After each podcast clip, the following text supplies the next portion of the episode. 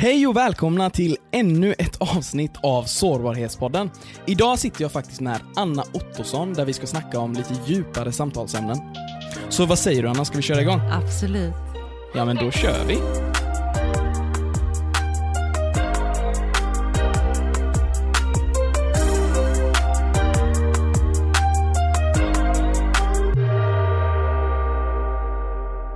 Anna är en av Sveriges ledande dietister som arbetat med mat och hälsa i över 22 år. Med en brinnande passion för kraften i maten så grundade Anna Food Power. Hon har även startat Food Power Cancer Rehab-programmet där hon hjälper och vägleder människor med cancer inom kost och hälsa. Jag är så glad att jag får vara här. Nej men det är fantastiskt att eh, ha det här måste jag verkligen säga. Hur mår du först och främst? Jag mår fantastiskt och jag är väldigt glad att få vara här och få möta dig igen. Men det är jättekul, jag kommer ihåg sist när vi träffades, eh, vad hette staden nu igen? Du, det var en liten by som heter Mölle. Ja, och det var ju under din eh, workshop som eh, du körde. Och du berättade väldigt mycket om kraften i maten, den senaste forskningen. Men kan du berätta lite om Food Power? Vad, vad är det du gör i Food Power? Um, ja, alltså jag har startat någonting som heter Food Power och um, jag brinner för hur vi kan påverka oss själva genom maten.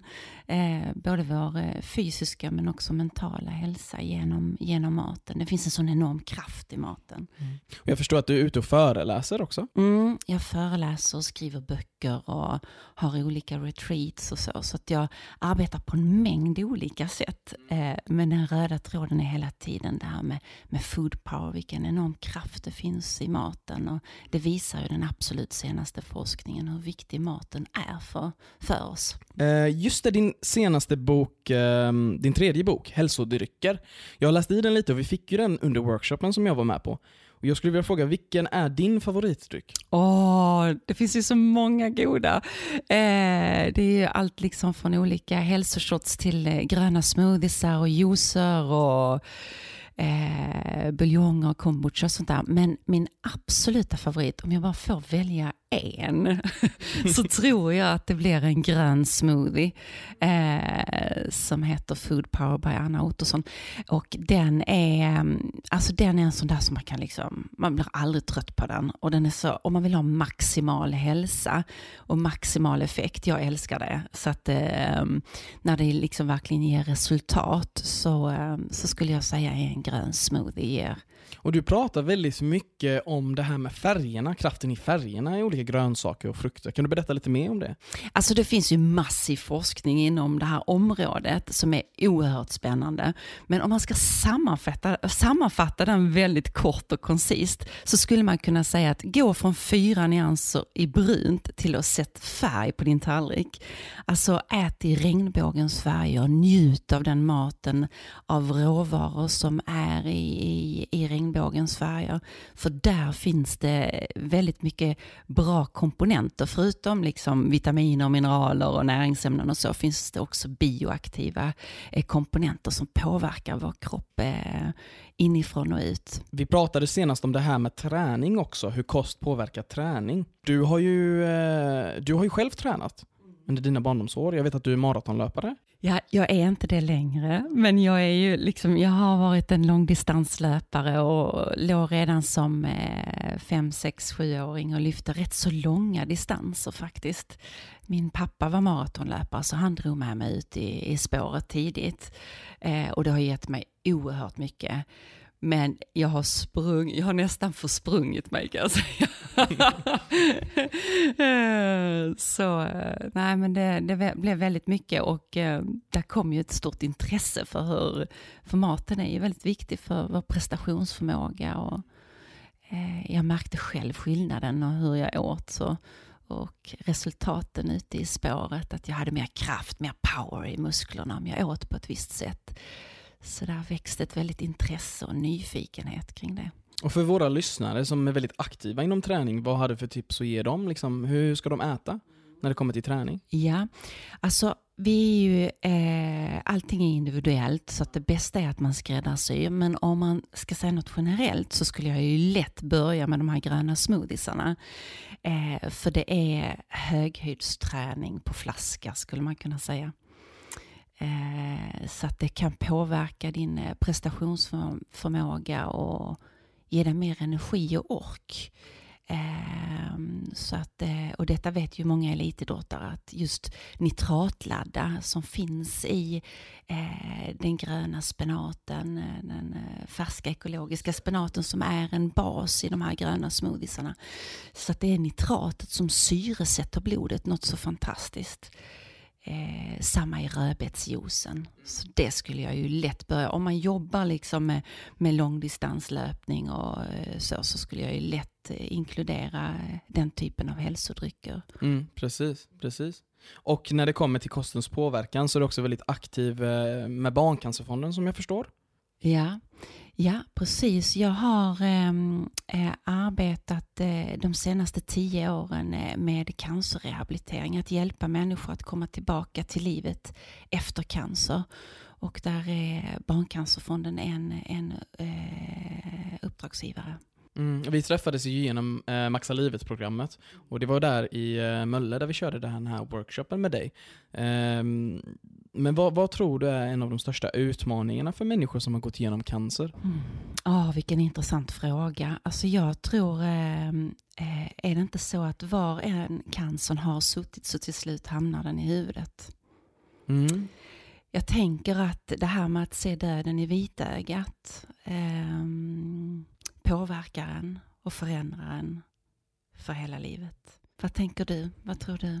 För mig, när jag låg inne för cancern, för jag var ju med ett tag i Maxa livet och eh, är fortfarande det. Eh, men för mig, när jag låg inne på sjukhuset och fick cellgiftsbehandling, så ehm, det var ju de psykiska påfrestningarna för mig som var det tuffaste. Ehm, och när, när vi samtalade med många av de andra deltagarna så var det väldigt likadant där. Att det var det här efteråt, efter behandlingen, okej okay, men vad gör jag nu med mitt liv? Hur, hur ska jag gå vidare? Hur gör jag för att maximera mina möjligheter i livet? Både inom fysisk hälsa, psykisk hälsa. Hur gör jag med kosten? Hur gör jag för att träna upp leder, skelett och muskler? Och där tror jag att din workshop gav, gav väldigt tydliga svar där, eh, hur man kan gå vidare. Och Vissa av de tipsen har jag använt med mig eh, framöver. Just det här att se maten i olika färger mm. är någonting väldigt mm. speciellt för mig tycker ja. jag. Ja. För jag tänkte inte att det fanns någonting i självaste färgen egentligen. Så är det antioxidanter och det är fytokemikalier och så som är eh, de här aktiva ämnena, komponenterna i maten som påverkar oss väldigt eh, bra. Eh, så som kan hjälpa oss att stärka upp vårt skydd och så. Sen tycker jag att det är otroligt viktigt att tänka så här, matglädje, livsglädje. Alltså, först och främst ska mat vara gott, men sen också att det tillför eh, och stärker upp oss. Men vad tror du om dieter då?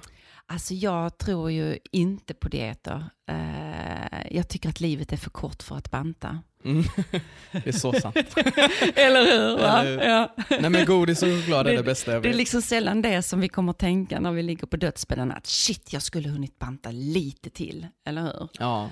Utan eh, att fånga livet och njuta av livet så mycket som det bara går. Och eh, leva de drömmar som man har. Mm.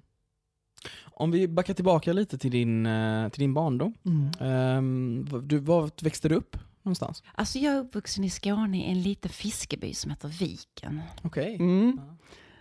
Tillsammans med din mamma och pappa? Ja, precis. Mm. Tillsammans med min mamma och pappa och familjen. Mm. Men hur kom du in på spåret eh, till eh, att börja med food power och kraften i maten? Mm. Ja, alltså um, det har två historier och den ena är just den här bakgrunden att jag var eh, långdistanslöpare och tränade mycket tillsammans med min pappa eh, och blev nyfiken på det här med prestationsförmågan och så. Eh, den andra historien är lite sorgligare och det är att jag haft närkontakt med cancer i stort sett genom hela mitt liv. Ehm, jag var väldigt liten när jag besökte min mamma för första gången efter hon hade strålats eh, på sjukhuset. Eh, och jag trodde inte att hon skulle vara med mig när jag fyllde 18 till exempel. Eller när jag gifte mig eller när jag fick barn. Eller när jag skilde mig för den delen. Men hon finns fortfarande kvar i livet och det går inte en dag utan att jag är så tacksam att jag kan lyfta luren, jag kan prata med henne, jag kan sitta och titta henne i ögonen. Mm. Eh, men den här, ehm, eh, det, var, det såg väldigt tufft ut, det såg väldigt mörkt ut. Eh, och eh, som sagt, jag trodde inte att jag skulle kunna ha kvar henne i livet så länge. Och det, det har präglat mig. Eh, jag har också vänner som inte finns med längre. Eh, och det är vi är ju många som har kontakt på, på med grund cancer. av cancer? Ja, eh, på olika sätt. Och det kom till en punkt för mig att nej, nu får det fan räcka. Vad kan jag göra? Kan jag vara med och bidra på något sätt? Kan jag vara med och förändra? Och ur det Eh, ur den kraften så, så startade jag då eh, Food Powers eh, cancer rehab-program.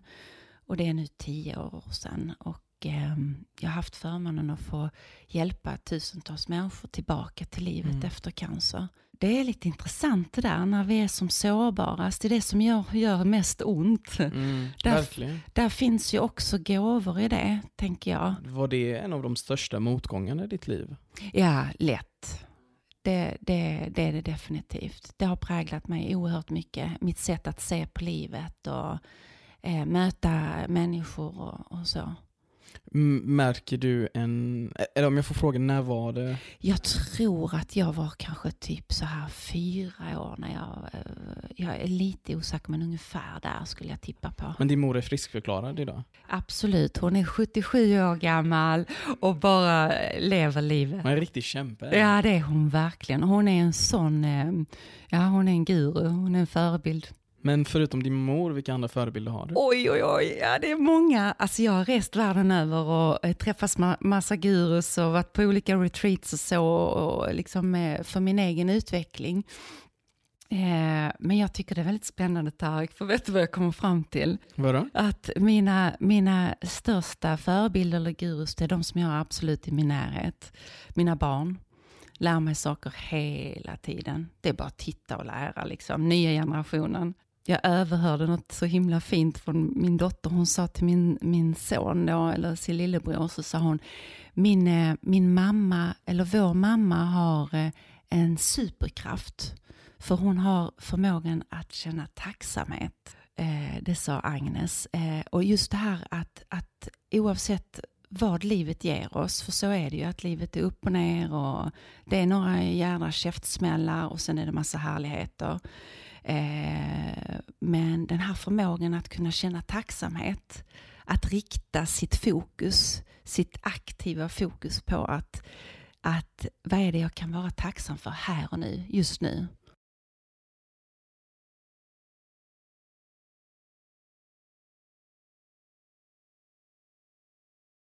Det finns alltid någonting eh, att vara tacksam för och eh, där, eh, det är en sån där nyckel tycker jag. Jag tycker det är så svårt dock. Mm. Du vet när, när livet bara kommer med flera käftsmällar hela tiden. Eh, I mitt fall var det bland annat min vän som gick bort. Mm. Ehm, och sen åtta månader senare så var det cancern. Mm. Och att konstant behöva klättra upp för varje dag. Man väntar på att det ska bli lättare. Mm. Hur hittar man den tacksamheten? I alla dessa motgångar? Jag tror att det är som träning. Alltså, jag, jag förstår med all respekt liksom, för allt det här som händer och, och som du berättar har hänt dig. Det är, ju, det är fruktansvärt. Det är förjävligt. Men går där att finnas, rikta tacksamheten någonstans? Eh, och där tror jag att man kan bara öva. Mm. Att det kan vara väldigt enkelt liksom. Hur gör du? Ah, det kan vara så att jag har haft en höft till exempel som har varit, jag har inte kunnat gå, jag har varit sängliggande liksom i flera månader. Eh, hur hittar jag tacksamheten i det? Jag är liksom eh, van att eh, springa flera mil i veckan och inte kan, från att och sen vara sängliggande och inte röra mig. Eh, hur hittar jag tacksamheten där? Ja men då kanske jag börjar rikta fokuset på alla andra kroppsdelar som fungerar. Fantastiskt, tack snälla för att det här funkar. Det här benet fungerar alldeles utmärkt, den här armen, min hjärna. Alltså sådär. Så att man kan liksom börja och bara träna i små steg. Du kanske börjar titta dig runt omkring. Vilka finns i din närhet som du tycker väldigt, väldigt mycket om och som du är tacksam för. Sen är det ju det där att vara tacksam för sina egna egenskaper. det som är kanske absolut svårast. Att rikta sig liksom och vara den snällaste personen mot sig själv. Alltså det är lätt att vara snäll mot sin bästa vän. Men att vara lika snäll mot sig själv. Att kunna älska sig själv. Jag var och samtalade med eh, Sean igår om det. Just hur viktigt det är att älska sig själv, men också hur svårt det kan vara att inse detta. Ja. Hur, hur märker du att du har den när det kommer till självkärlek? Oh, ja, men alltså det går liksom världens längsta halvmeter från hjärnan rätt ner i hjärtat och bara vara där och försöka vara där. Det är ju att vara sårbar och så utmanande och så härligt. Och när jag är där så vill jag egentligen inte vara på någon annan plats. Oftast kan man känna sig att kanske många av oss går runt liksom på stan, att det är så att bara huvuden som går runt liksom, för att vi är så mycket i vårt mind, i vår hjärna. Men att kanske vara eh, över oss, att gå ner i, i hjärtat, att vara där. Eh, och där tycker jag, på tal om förebilder, så eh, eh, vet jag att vi delar en förebild tror jag. Ja. ja, eh, det här citatet med att vulnerability is the true measure of courage. Mm. Brené Brown. Hon är en väldigt stor förebild till mig och många andra kan jag tro. Eh, just sättet hur hon angriper att sårbarhet är faktiskt lösningen och inte problemet i vår vardag. Det är väldigt många idag som vänder sig till att isolera sig själv när de känner sig eh, väldigt sårbara. Men egentligen är det att försöka bemöta den här sårbarheten med så mycket osäkerhet som möjligt. Men också kunna resa sig upp när man faller. Till exempel med dina motgångar eller med mina motgångar. Att våga angripa de motgångarna istället för att falla tillbaka från dem.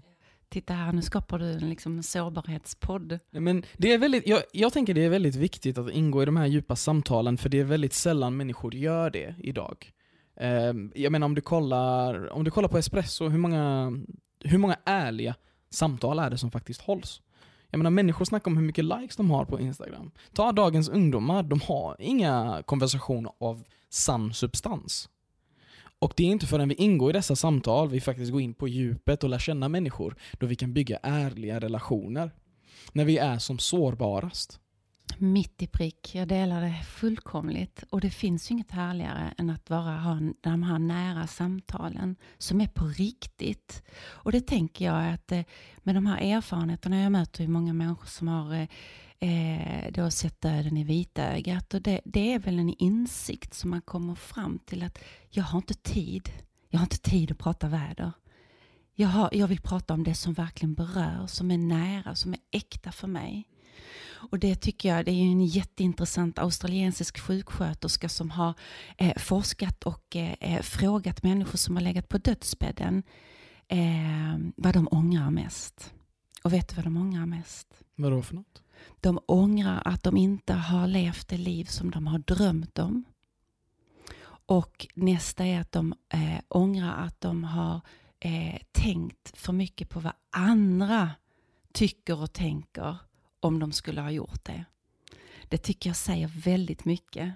Mm. Det säger jättemycket om hur, vem, hur vi människor värderar de yttre faktorerna. Mm.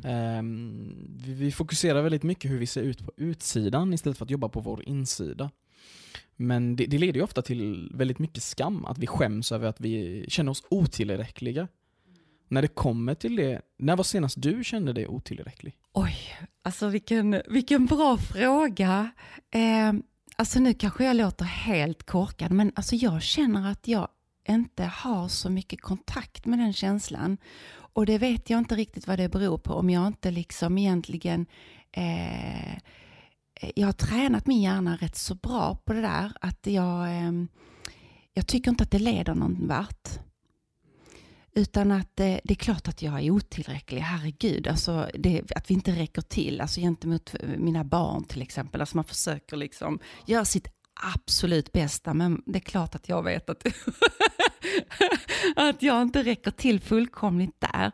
Eh, så att det är inte... Men det är väl ingen som gör det? Nej, jag tänker också det. va. Men, eh, men kanske gynnar det dig att tänka de tankarna? Eh, eller kan du vända och tänka på ett annat sätt? Nu är vi tillbaka på det här med tacksamhet kanske också. Mm. Att istället för att fokusera på det där negativa, att känna sig otillräcklig. Brené Brown snackar också mycket om det här. Att um, foreboding joy, säger hon. Att vi skärmar av oss från lycka för att vi är oroliga över det som det onda som kan hända. Till exempel om man tänker på sina barn. Tänk om något dåligt händer. Tänk om det händer en olycka, eller tänk om mitt barn skadas. Men istället att uppskatta de, de små stunderna. Håller helt med. Och just det här, det tycker jag är så oerhört spännande det här med det, eh, att vi är mer rädda för vårt ljus än för vårt mörker. Det eh, finns ju ett fantastiskt tal som hölls av Nelson Mandela när han kommer ut från sitt eh, fängelse eh, som han ju har suttit, var det 27 år eller eh, så? Det var många, många år i alla fall. Då håller han ju ett fantastiskt tal eh, och har man inte läst det så rekommenderar jag det. Det är Marianne Williamson som har skrivit det. Man tror att det är Nelson Mandela, men det är Marianne Williamson som har skrivit det. Och där just det här fokuset på att vi är mer rädda för att kanske stå i vårt ljus. Vem är jag att bara stå och lysa i min fullkomliga förträfflighet? att då är det lättare att gå in och se sitt mörker och sina brister. Men vad är sårbarhet för dig då? Ja, det är mod. Det är mod att stå, att stå i sitt hjärta, att stå och visa vem jag är eh, eh, och eh, vara transparent. På vilket sätt är du sårbar? För dig då, personligen? För mig, sårbarhet kan vara att dansa, att sjunga. För det är vissa komplex jag har haft sedan tidig barndom. Både med utseende, med röst, med hur jag beter mig, hur jag är som person. Så det, det har satt sina spår än idag. Och för olika människor kan det vara olika saker. Så jag undrar, hur, hur ser du på sårbarhet? Mm. Alltså jag kan nog bli sårbar när jag blir sedd. När man blir, och då menar jag inte att, precis som du var inne på, vi ser ytan liksom och där, där, där, du är så lång och du har så långt hår och bla bla bla. Men när någon verkligen ser dig, bortom allt det där, då kan det vara lite läskigt alltså. Mm. Och det är rätt ovanligt när man, när, när man får uppleva det tycker jag. Men det är väldigt vackert, men det är lite obehagligt. Vem är du sårbarast med? Är det dina barn? Alltså jag kan nog vara sårbar i olika... Det är, jag älskar mötet med människor. Eh, jag var väldigt sårbar när jag mötte dig, kommer jag ihåg. Du berörde mig väldigt djupt. Um, så jag tror att det är olika sammanhang och jag tror att en nyckelfaktor det är att när den andra personen är väldigt närvarande i samtalet. Det blir ett möte på riktigt, på djupet. Då berör det. Ja, men tack själv. När det kommer till den här sårbarheten. Det är som vi snackade om, det är väldigt läskigt. Och eh, apropå Brené Brown, hon snackar ju mycket om det här med eh, hur kategorierna för skam skiljer sig för män och kvinnor. Och eh, hur för kvinnor är det väldigt för kvinnor är det ju väldigt att, eh, mycket att de ska vara de perfekta, perfekta mödrarna. De ska kunna ta hand om hemmet, de ska kunna göra detta, detta, detta och ha allting under kontroll. Att man ska kunna vara sansad, medan för killar så är det liksom, det är okej okay för dem att uttrycka ilska, uttrycka aggression, att vara väldigt energiska. Men å andra sidan, kvinnorna ska vara hela tiden kontrollerade. Känner du den pressen på dig själv ibland? Från samhällets förväntningar? Alltså där brukar jag tänka väldigt mycket på, ehm, jag pratar ju om regnbågens färger, att vi ska äta och njuta av den, men jag också, tänker också att vi ska visa hela vår regnbåge. Alltså du är ju unik, det finns inte en person som du. Eh, du är jätteviktig. Ehm, men var förbannat bra på att visa hela din regnbåge. Och med det menar jag på att när du är glad så var glad. När du är förbannad så var bra förbannad. Alltså var så som du är när du är förbannad. Eh, så alltså jag menar visa hela ditt spektra. Eh, det är också att vara sann, att vara äkta. Eh, så.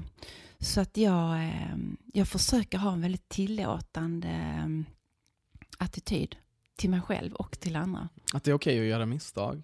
Ja men självklart, det gör vi hela tiden och vi kan lära oss av misstagen. Där finns ju nycklar.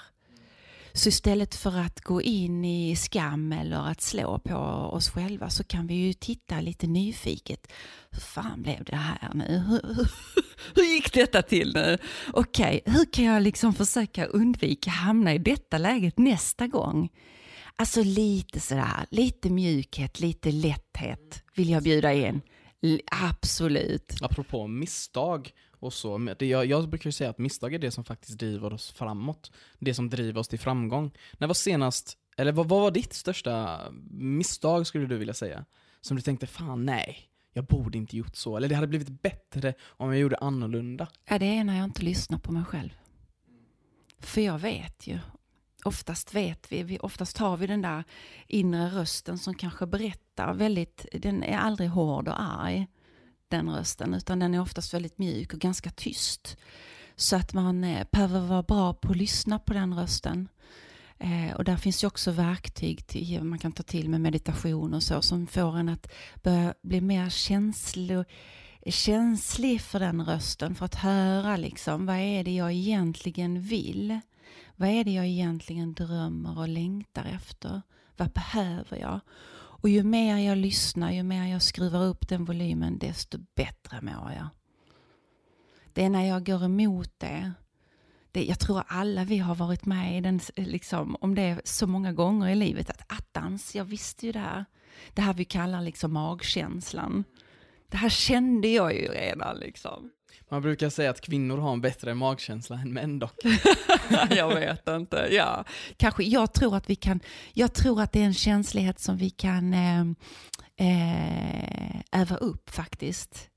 Men det är också mod och sårbarhet, att våga lyssna på det. För ibland undrar man ju vad fanken är, hör jag rätt nu? Är detta rätt? Det finns en, eh, det fins en bok som heter The Power of You, har jag för mig jag kan ha fel. Eh, men den handlar lite om eh, individen som människa. Tankar och idéer. Vem är du egentligen? Är du dina tankar eller är du den personen som lyssnar på tankarna? Och första meningen lyder You are not your thoughts. Du är inte dina tankar, utan du är den som lyssnar på dem. Till exempel när du sitter på flyget och du hör du hör i ditt huvud kasta ut det där jävla barnet som sitter och skriker och gapar. Det är ju inte dina insikter, det du faktiskt vill göra. Utan det är en idé, det är en tanke du fick. Du kan välja att agera på de tankarna. Eller så kan du välja att reflektera om, reflektera om de känslorna.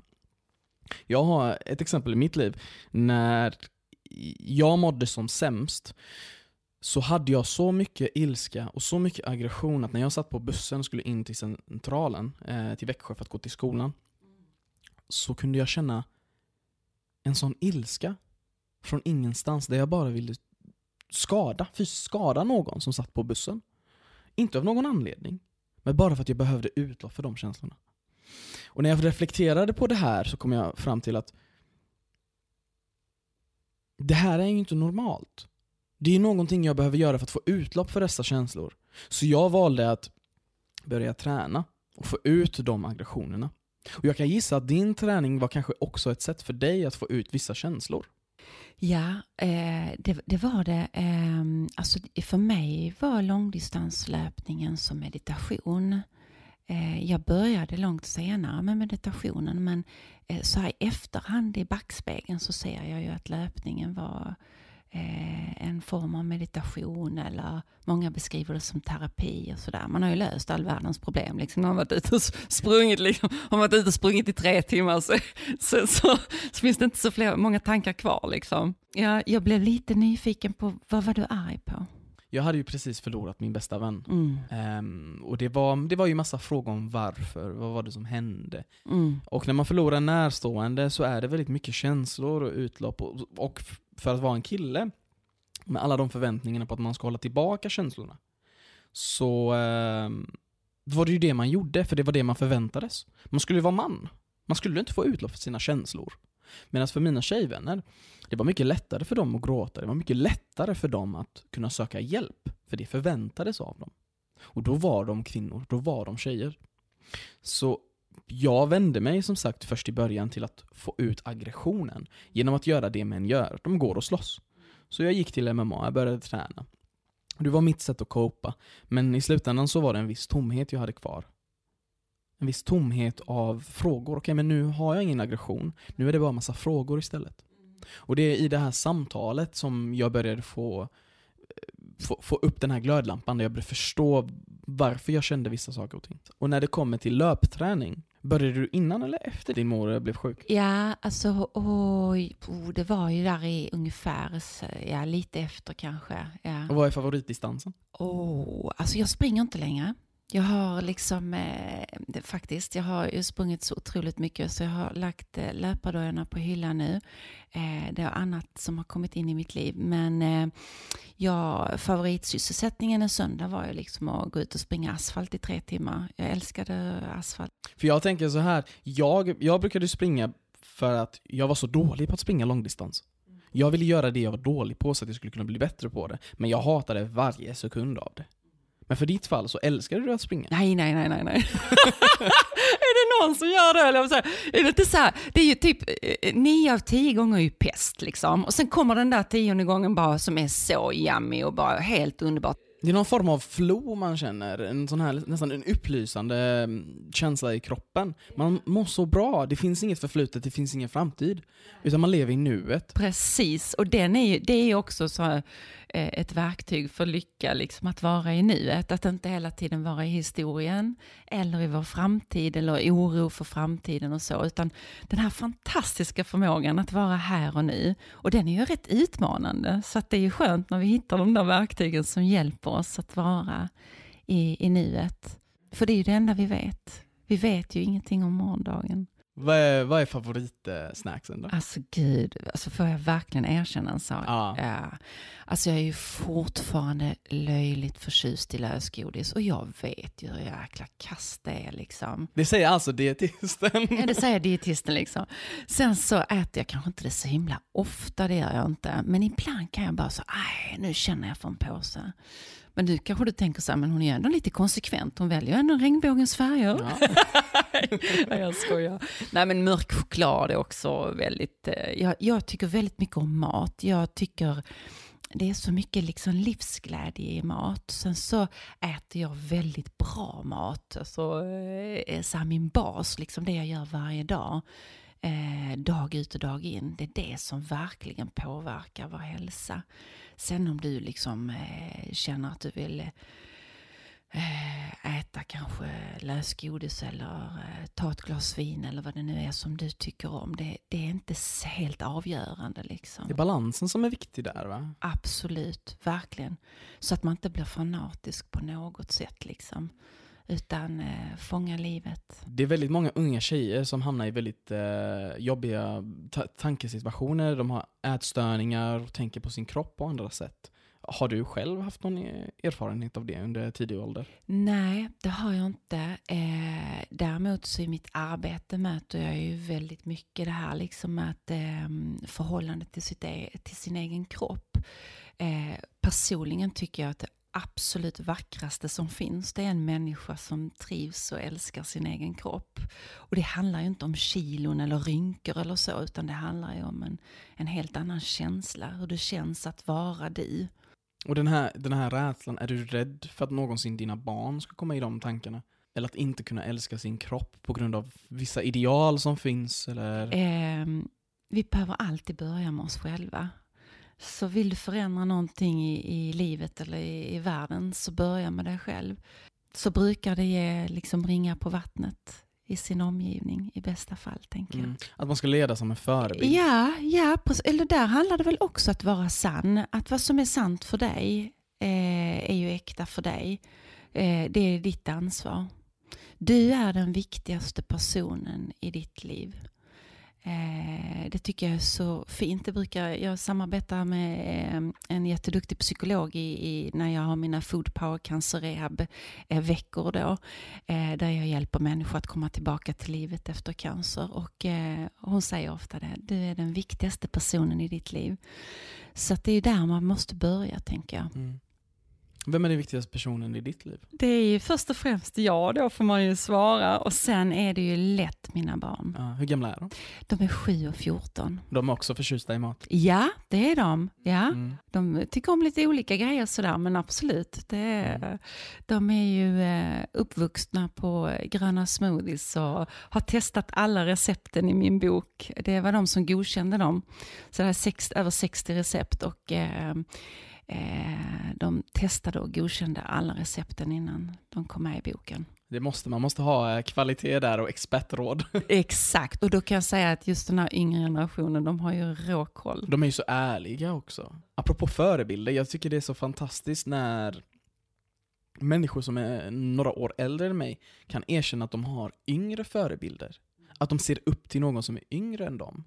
För det, det, är inte så, det är inte så självklart egentligen. Att man kan ha en förebild som kanske är mellan 10 till 20 års åldern eller någon som är yngre än en. Hur reflekterar du kring det? Nej, men det, jag tycker det är jättespännande det du säger, för att det är ju en insikt som jag har fått sedan, mina barn kom, kom in i mitt liv. Att eh, jag har liksom rest runt, jag har varit jättemycket i Indien och jag har rest runt i världen och besökt eh, och träffat fantastiska människor och eh, gurus och eh, läromästare och som har suttit i en grotta liksom och mediterat i flera år och sådär. Va?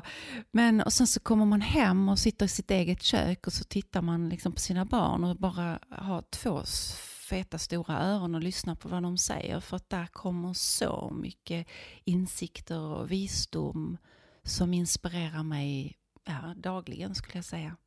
Jag satt och reflekterade över det igår, de här tankarna man har just sekunder innan man tror att man ska dö. Har du någonsin funderat vad dina tankar kommer vara? Ifall du, ifall du visste att du skulle dö imorgon, vad tror du att du hade tänkt sekunderna innan? Vad hade du ångrat? Den är riktigt, riktigt bra. För jag är lite knäpp för jag ställer den frågan eh, till mig själv lite då och då.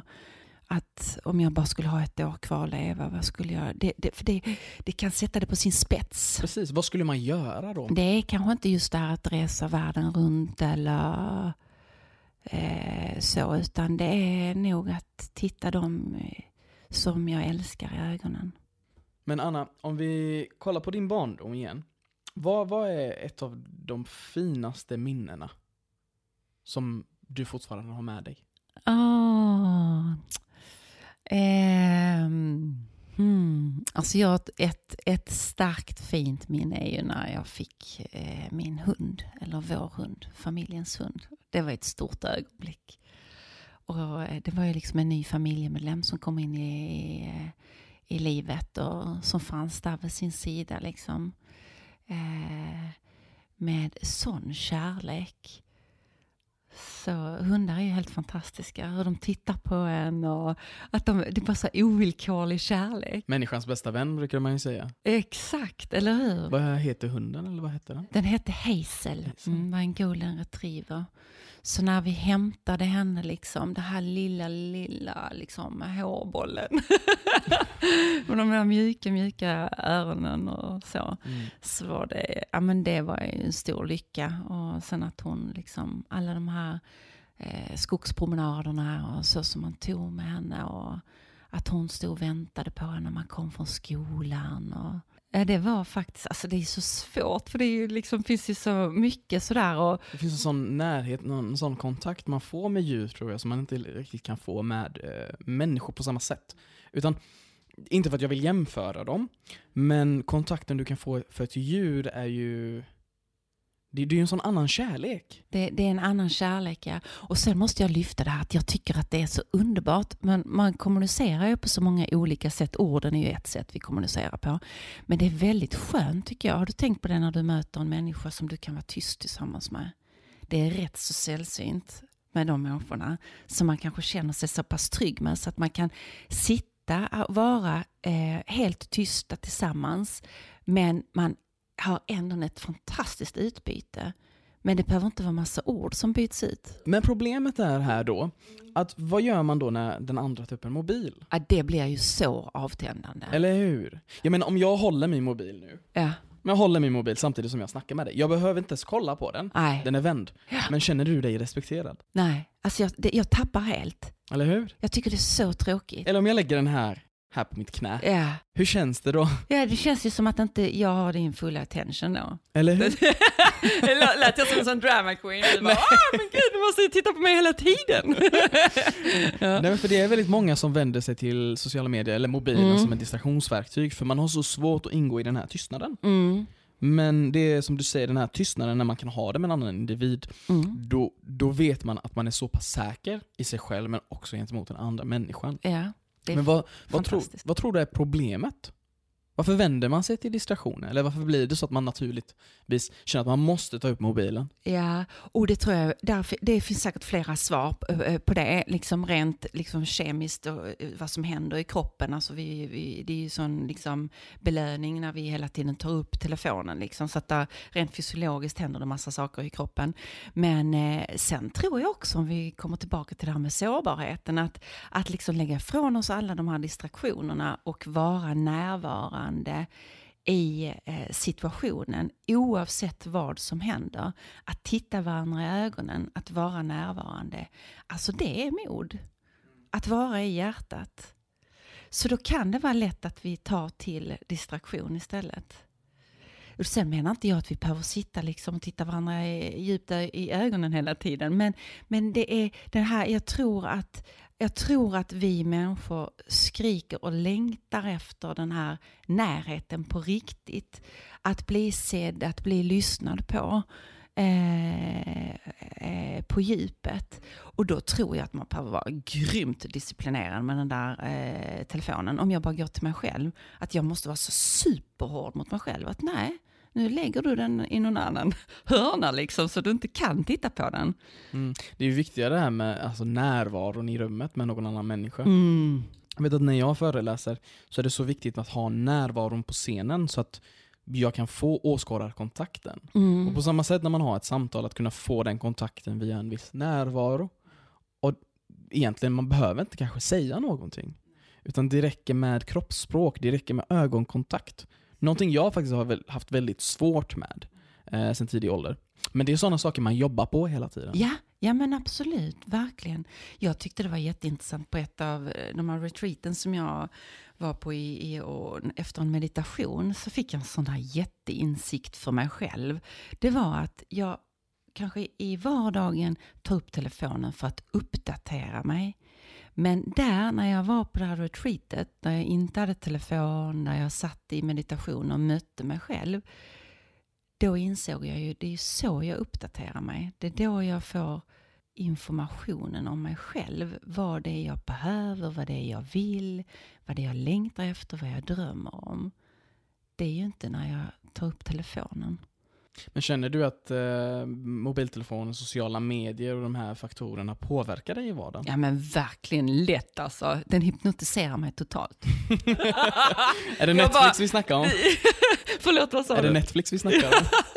Alltså du, det är allt liksom. Det är, nej men, eh, och jag menar eh, Facebook och Instagram och hela, alltså hela systemet är uppbyggt på att vi ska vilja bara vara där mer och mer och mer. Vara beroende. Det är det de tjänar pengar på. Så, så vi, behöver, vi behöver vara duktiga på att hantera det där.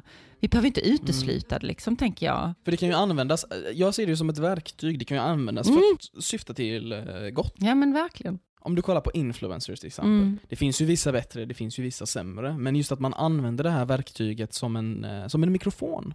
För att nå Mm. ut till eh, människor. Definitivt. Men vad är ditt ultimata syfte med Food Power? Vad är din vision? Eh, jag är här för att eh, sprida information om hur du kan använda maten som verktyg. Hur du kan påverka din kropp för att hur du kan stå i din fulla kraft genom maten. Eh, för att du ska må bättre, för att förebygga sjukdomar och så. Mm. Så att, men att, att hur du kan äta för att stå i din absolut fulla kraft och leva det liv som du drömmer om. Mm, när det kommer till mat, vad har du själv för matpreferenser? Är du vegetarian? Är du all... Ja, alltså jag är så generellt som person så gillar jag inte så här etiketter och jag gillar inte att begränsa mig. Ja. Utan jag gillar att se och, och fokusera på möjligheter. Så att jag tycker inte om dieter, jag tycker inte om att hålla på och piska folk blåa med pekpinnar och sånt. Eller att man ska räkna kalorier så att man blir blå i ansiktet och så. Eh, totalt värdelöst. Eh, jag fokuserar alltid på möjligheterna och eh, jag är, äter mest vegetariskt med inslag av fisk eh, ibland. Men det är mer och mer eh, växtriket. Det är inte så att jag liksom sätter en etikett på att jag aldrig skulle äta kött. Det skulle mycket väl kunna hända. Men det är inte någonting som jag känner så mycket för längre. Och det blir bara mindre och mindre. Ehm, så att det är mest liksom att jag njuter av fantastisk god mat i regnbågens färger. Där eh, mitt fokus hela tiden är där jag får mest kraft, energi, det som ger mig allra mest. Så att det, det handlar om de här vitaminerna, mineralerna, verksamma komponenterna och sen att mat ska vara gott. Det ska kittla mina smaklökar. Precis. Har du sett eh, dokumentären The Game Changers? Jag har inte sett hela än. Ja. Men vad hade du för intryck av den? Vad, vad hade du för tankar? Nej, ja, alltså jag tycker att det är väldigt intressant. Det är egentligen ingen ny information för mig. Nej. Det är ju egentligen en myt att vi skulle behöva kött för att eh, överleva. Vi behöver inte alls kött. Eh, Det finns eh, jättestarka proteinkällor i växtriket och hur man kan kombinera det och få i sig eh, em, alla fullständiga aminosyror och sådär. Så att eh, jag tycker det är oerhört intressant tid just nu. Eh, Mm. Vad som händer, alltså det här skiftet liksom att många vill gå mer mot att äta mer grönt. Vi behöver göra det, både för hälsan och för planeten. Men det känns som att det ändras hela tiden. Det kommer hela tiden ny information. Jag menar, ett tag säger de att kaffe inte är bra, ett annat tag säger de att kaffe är bra. Mm. Ja, jag, jag håller med dig. Det är nog snarare media som tycker om att polarisera och som tjänar pengar på det. Eh, men visst, eh, oj vad media fick en känga där nu. Men, men visst, det är ju sådär, man kan inte slå på tvn eller öppna en tidning eller Ja. sådär. Så, så är det de här motstridiga budskapen som du beskriver. Eh, men tittar man och lusläser forskningen så är det ju, tungt i vilken riktning det visar. Och det är ju framförallt det här att välja väldigt mycket eh, från växtriket i de olika färgerna eh, för att det ger oss så pass mycket. Och att eh, WHO går ut och säger att maten är den enskilt viktigaste faktorn för vår hälsa. Eh, Så maten är oerhört viktig och det som man kan väl tänka är också att det är, det är viktigt för vår kropp och sådär. Eh, och för att förebygga sjukdomar och så. Men också vår mentala hälsa Eh, är den också viktig för. Liksom vad det är, att vi kan påverka vår mentala hälsa genom vad vi, vad vi äter till exempel. Eh, järnbrist till exempel är ju ett symptom är ju eh, depression till exempel. Eh, så att bara att checka av att man får i sig tillräckligt med järn är är bara lite spontant, är det, är det vanligare för kvinnor att hamna i depression på grund av järnbrist? Ja, det är det. Du är påläst. Ja. Alltså, järnbrist är jättevanligt bland eh, svenska kvinnor. Eh, så att eh, det är en viktig mineral att hålla koll på. D-vitamin, I Sverige? vårt solvitamin, att vi käkar det på vintern. För det har ju också kopplingar då till eh, vår eh, mentala hälsa och så. När det kommer till depression och eh, psykisk ohälsa, har du själv någon erfarenhet av det i ditt liv? Nej, det har jag inte. Eh, tack och lov, för det är ju en jätteutmaning förstås. Mm. Det är ju ett samhällsproblem i Sverige. Jag menar om vi kollar på alla tjejer som har ätstörningar och kroppskomplex. Eh, jag tycker det är så synd att man inte har just det här att man inte har kraften att kunna älska sig själv till sitt fulla potential. Eh, möter, du, möter du människor i din vardag som har ätstörningar och hur, hur i så fall hur bemöter du dem? Ja, alltså jag arbetar inte specifikt med ätstörningar. Eh, det gjorde jag tidigare. Jag har arbetat som eh, legitimerad dietist i över 22 år. Så det gjorde jag eh, ganska tidigt jobbade jag med det. Men jag möter ju människor som har ett komplicerat förhållande till sin kropp. Alltså det är ju rätt så många eh, som har det, att man kanske inte känner sig särskilt nöjd. Liksom. Eh, så att eh, där handlar det kanske att också eh, börja och mata sin hjärna med positiva budskap om sig själv eh, och titta på liksom den inre dialogen. Det finns ett intressant knep man kan ta till, att bara under en timme kanske eller en dag så kan du börja reflektera över dina egna tankar och se eh, är de positiva eller är de negativa. Och för varje gång du säger någonting negativt till dig själv så blir det en svart prick i taket, i det vita taket. Och så kan du titta eh, och fundera och reflektera på kvällen. Hur ser ditt tak ut? Hur eh, många svarta prickar är det? Är det fullt eller hur är, det liksom, är det fortfarande lite vita fläckar kvar eller hur ser det ut? Och där kan det vara intressant att titta på sig själv med de där mjuka hundögonen utan att hålla på att döma utan bara en nyfikenhet. För det är ju första steget för en förändring, att vi tittar på oss själva med nyfikenhet. Hur, hur gör jag egentligen? Och inser du då att shit vad jag är taskig mot mig själv. Alltså skulle liksom en kompis säga det här till mig skulle du liksom inte ens vara med den människan. Men du säger det till dig själv. Och då har du ju liksom ett utgångsläge och därifrån så kan du välja dina tankar. Att välja aktivt att tänka någonting positivt. Och då finns det ju så här att om man har sagt en negativ tanke till sig själv så behöver du säga minst tre positiva saker till dig själv för att bara neutralisera den där negativa tanken. Och är man då liksom, eh, om man är elitidrottare och sådär, att man ska liksom toppa hela sin tiden sin prestation, så jobbar man ju också med sin, sin, sin, mentala hälsa. Och då är det kanske att du ska upp till nio gånger. Liksom. Har du råkat att säga en negativ sak till, om dig själv, liksom, så får du säga nio positiva bara för att boosta dig själv. Alltså här, du kan ju liksom leka lite med det här. Att ge komplimanger till sig själv istället. Ja. Precis som vi snackade med tacksamheten. Exakt, precis. När det kommer till idrottsmänniskor, de kanske har till och med större press på sig själva. För att det är mer som står på spel. Och då kan ett misstag vara väldigt, väldigt stort för dem. Mm. Mm. Verkligen fokusera på det positiva, ens styrkor, istället för ens svagheter. Men samtidigt jobba på svagheterna, jobba på att bygga upp dem. Mm. Men du, jag blir nyfiken, märkte du någon skillnad när du började liksom springa? Och, och märkte du någon skillnad? Ilskan försvann ju när jag började träna. Eh, och efter ett tag så slutade jag med MMA, men jag började med brasiliansk jutsu för jag tyckte det var jätteintressant. Eh, höll på med det ett tag, men sen skadade jag axeln. Och hur jag egentligen kom in på spåret att jag började springa och höll på med Ironman och liknande. Det var just att jag hade en skadad axel.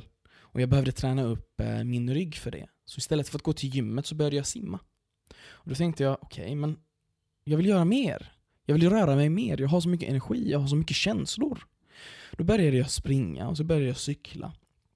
Och av en slump faktiskt, så såg jag på Facebook att eh, min kompis Albin Nilsson hade anmält sig till Ironman 70,3 i Jönköping då, som en halvdistans. Då tänkte jag, fan jag måste skriva till honom, han är ju en riktig förebild. Vem ens anmäler sig till något sånt, tänkte jag. Så skrev jag till Albin, jag bara Albin du är så himla cool Albin. Och så säger han till mig, ja men anmäl dig du med, det klarar du väl? Jag bara okej. Okay. Och så anmälde jag mig. och så skrev jag till honom, nu är det klart. Han bara va? Är du seriös? jag bara ja, jag är anmäld. Jag ska köra i Jönköping nu 7 juli, vilket jag gjorde i fjol. Och då hade jag kanske fem, fyra månader på mig att träna. Och så var det vilken stress Albin hade fått. Han skulle fixa träningsschema åt mig, han skulle kolla upp med mig hur det gick och så vidare och så vidare. Och i den processen, tillbaka till din fråga, så var det väldigt symboliskt för mig att jag, jag vann mot mina motgångar genom att kunna vinna för mig själv i det här loppet. Genom att kunna sätta ett mål, okej okay, jag, vill, jag vill komma ner under sju timmar. Vilket jag gjorde, Vilket jag fick på sex timmar och 11 minuter. Och när jag kom in genom mållinjen så kom jag ihåg att jag brast Mm. i tårar. Åh, av både lycka men också lite sorg. Ja. Och jag tänkte tillbaka på min vän som jag önskade hade kunnat vara där Ja. och se mig vid mållinjen. Mm. Och jag tänkte tillbaka på alla dessa motgångar och allting som hade hänt. Och det var väldigt symboliskt hur man korsar den här mållinjen Ja. och verkligen vinner mot sig själv i slutändan. Utan det var ingen tävling mot någon annan, utan tävlingen var hela tiden mot sig själv. Det var mitt sätt att riktigt copa med det. Exakt. Gud vad vackert. Wow.